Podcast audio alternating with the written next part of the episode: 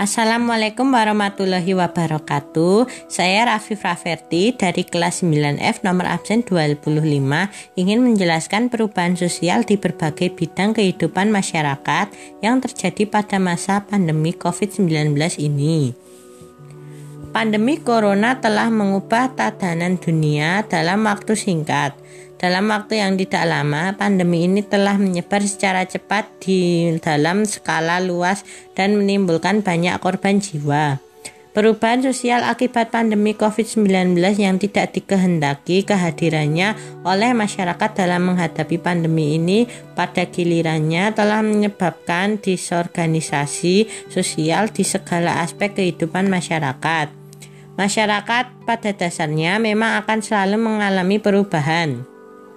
Dalam konteks merebaknya pandemi COVID-19 dan protokol new normal, perlu diketahui bahwa apakah perubahan yang terjadi dalam masyarakat bersifat total sehingga menghasilkan sistem sosial baru atau yang terjadi hanyalah proses negosiasi ulang di dalam sistem sosial sehingga akan tercipta titik keseimbangan yang baru.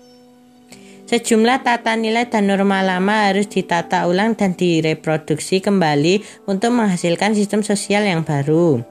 Munculnya tata aturan yang baru tersebut kemudian salah satunya ditandai dengan adanya himbauan dari pemerintah untuk belajar, bekerja, dan beribadah di rumah sejak awal kemunculan COVID-19 ini di Indonesia. Begitu pula dengan pola kehidupan masyarakat yang harus lebih banyak berolahraga, beristirahat, menjauhi berkerumun, dan melaksanakan protokol kesehatan. Kebijakan physical distancing telah mengubah ragam bentuk perilaku masyarakat yang kemudian mengharuskan adanya jarak fisik dalam proses interaksi sosialnya. Perilaku dan kebiasaan masyarakat secara konvensional di masa pandemi kemudian diatur dan ditransformasikan melalui pola interaksi secara virtual. Perubahan sosial di tengah pandemi COVID-19 juga telah melahirkan kebiasaan-kebiasaan baru berupa terjadinya perubahan perilaku sosial masyarakat dalam berbagai aspek kehidupan. Kondisi ini sekaligus mempertegas bahwa fungsi teknologi menjadi sangat penting sebagai perantara interaksi sosial masyarakat di era pandemi saat ini. Demikian yang bisa saya sampaikan, semoga bermanfaat. Wabillahi taufiq walidaya. Wassalamualaikum warahmatullahi wabarakatuh.